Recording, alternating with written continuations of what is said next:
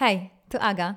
Jestem mega podekscytowana, bo mam dla Ciebie świeżutki odcinek Frankiewicz o związkach. Dzięki, że subskrybujesz mój kanał.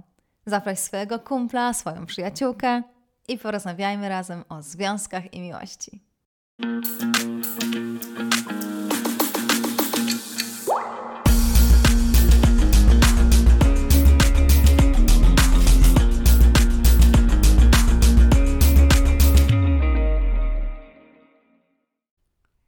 Czym kierujesz się w miłości? Sercem czy rozumem?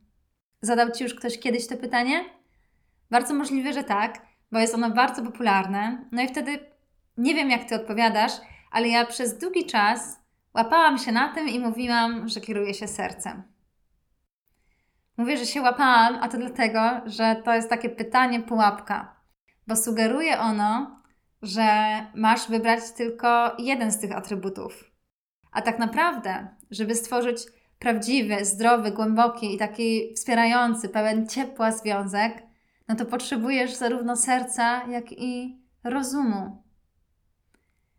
Na przykład, kiedy wybierasz partnera, no to ważne jest, żeby posłuchać tego, co podpowiada ci serce, żebyś naprawdę poczuła, żebyś poczuł tą, tą miłość, tak? Czy jest ta iskierka, czy już, już, czy już się to pierwsze uczucie pojawiło? Jeśli tak, no to świetnie, bo możesz za nim podążać, bo możesz je rozwijać.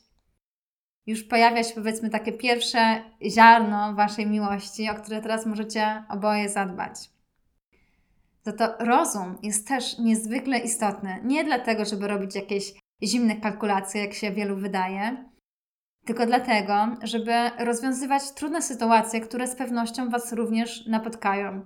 I tak nawet w najlepszych związkach pojawiają się kłótnie, pojawiają się sprzeczne opinie, często jakieś problemy w komunikacji. Dlatego rozum pod, będzie nam podpowiadał, jak te sytuacje najlepiej dla Was obojga rozwiązać. Dzięki rozumowi możecie wykorzystać na przykład te porady, które ja Wam daję na kanale, ale też wszystko to, co możecie znaleźć najlepszego z całego dorobku psychologii. Dzięki temu możecie w lepszy sposób sterować Waszą relacją, tak żeby się rozwijała, żeby Wasza więź stawała się coraz głębsza i silniejsza. Dlatego teraz, jak ktoś Cię zapyta, czy kierujesz się sercem, czy rozumem, to pamiętaj, że najlepiej wybrać oba te atrybuty. Pozdrawiam Cię serdecznie. Mam nadzieję, że słyszymy się w kolejnym odcinku. Do zobaczenia.